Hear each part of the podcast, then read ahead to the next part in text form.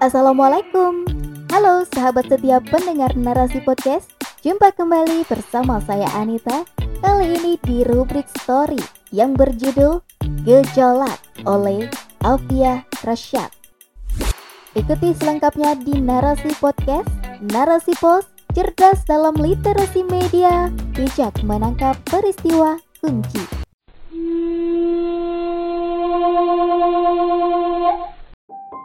Gulungan checklist keinginan gadis bermata sipit itu mengular. Nanar netranya memandang barisan huruf yang membisu. Tak sedikit pun terbersit dalam dirinya akan mengharapkan nasib sosial itu. Tangannya kembali cekatan menghapus sembab di mata dan kembali merias wajahnya yang mulai polos. Secepat kilat senyumnya terukir, menyambut pelanggan yang hadir dengan memilih bunga. Azza Si gadis bermata sipit, penjaga bunga kembali menampakkan wajah super ceria. Anyelir menjadi pilihan si calon pembeli. Lima tangkai bunga terletak di keranjang. Netra Azza mengekor pelanggannya yang dianggap agak aneh. Di zaman seperti sekarang, perempuan yang sedang memilih bunga itu berpenampilan seperti Tante Maria, bergamis kedodoran dan menyapu lantai. Kerudungnya pun besar dan super lebar. Rasa heran mendorong Azza mengaitkan pandangannya pada gerak-gerik perempuan berhijab itu. Berapa semua mbak? Apakah bisa ini dirangkaikan di sini? Pertanyaan pelanggan berhijab lebar itu mengembalikan Azza pada alam nyata. Pikirannya sempat mengembara pada nasib sialnya tadi. Bisa, sangat bisa cinta, jawab Azza dengan akrab. Azza merangkai bunga dengan sangat indah. Binar senang tampak dari kedua manik pelanggannya. Rasa heran Azza berubah menjadi rasa kagum. Perempuan yang ada di hadapannya, ia taksir masih lebih muda darinya. Sambil merangkai bunga, Azza memperkenalkan diri dan mengajukan beberapa pertanyaan pada pelanggan yang bernama Citra itu. Kayak merek handbody dan roti ya? Eh, Just kidding, Cin. Seloroh Azam mengundang senyum Citra yang terus mereka. Rangkaian bunga yang super indah mendatangkan rasa takjub pada Citra.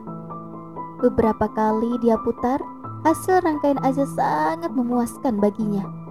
Pujian terlafazkan dari lisan Citra, betapa dia melihat rangkaian sederhana, namun begitu indah dipandang mata.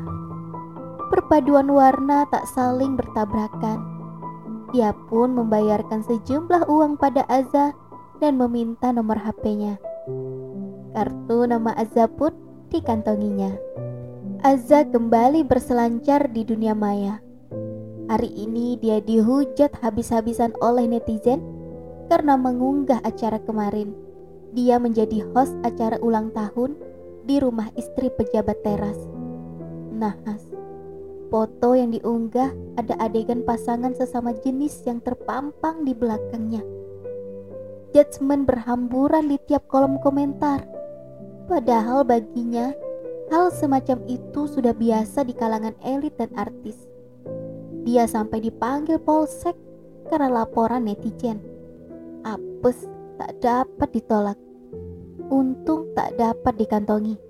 Keinginan yang tertata rapi dalam gulungan kertas khusus itu masih membisu. Kemarin tidak ada satu checklist pun yang dia sandingkan dengan beberapa keinginan yang ditorehkan. Sebab dia keburu dihakimi netizen di Dumai dan dipanggil Kapolsek untuk memberikan keterangan. Sanksi ringan dia dapatkan. Selama tiga bulan dia harus laporan ini itu dan tak boleh bepergian keluar kota. Sial, sungguh sial. Barisan keinginan yang belum diceklis adalah liburan ke Bali dengan fee-nya saat menjadi host. Tujuh digit angka bukanlah nominal yang sedikit. Jarang dia memperoleh uang sebesar itu dalam satu kali jadi MC. Kini, keinginannya padam karena tersandung dan terperangkap kasus penyebaran aktivitas kaum gay. Rasa kecewa harus ia telan Keinginannya untuk liburan harus pupus begitu saja. Begitu pula dengan keinginan untuk ikut roadshow salah satu artis ternama. Batu nisan keinginan itu telah tertancap jelas. Dia pun harus menelan rasa kecewa yang menggunung. Sebab tiket seharga 15 juta rupiah sudah dia kantongi. Namun, dia tak boleh keluar kota selama dua bulan. Beragam gejolak mengguncang jiwa Azah. Rasa jengkel pada para netizen yang sok suci lebih mendominasi altar jiwanya. Kenapa di negara serba bebas begini, dia tak boleh menyuarakan pendapat? Padahal foto itu hanya ingin menampilkan dirinya yang lagi eksis jadi host di acara pejabat teras. Rasa marah kaum muslim yang menyalahkannya bagai gelombang badai di lautan lepas. Namun, kedatangan Citra menjadi pengecualian. Tutur lembut dari lisan Citra berhasil membius hati Azza. Perangai dan cara berdiskusi Citra menombok tepat dalam benaknya. Awalnya, obrolan mereka berjalan di seputar ranah pribadi. Namun, kelihayan Citra dalam mengemas obrolan mampu menyeret Azza pada diskusi seputar problem kehidupan khususnya kehidupan milenial. Azza terperangah tak kala Citra menjelaskan segerombolan perbuatan serba bebas yang sempat diagungkan Azza menjadi sebuah problem sistematis. Azza baru ngeh kenapa Tante Maria kekeh dengan penampilannya dan mengajak Azza berhijab syar'i juga demi kemuliaan wanita. Gejolak dalam jiwa Azza kian meronta, menuntut pemenuhan. Rasa marah, kecewa, dan sesal berkolaborasi menguasai relung hati yang terdalam. Azza mulai sakit kepala karena memikirkan apa yang disampaikan Citra. Selama ini, dia anggap biasa interaksi cowok dan cewek tanpa ikatan pernikahan dan bermesraan layaknya suami istri.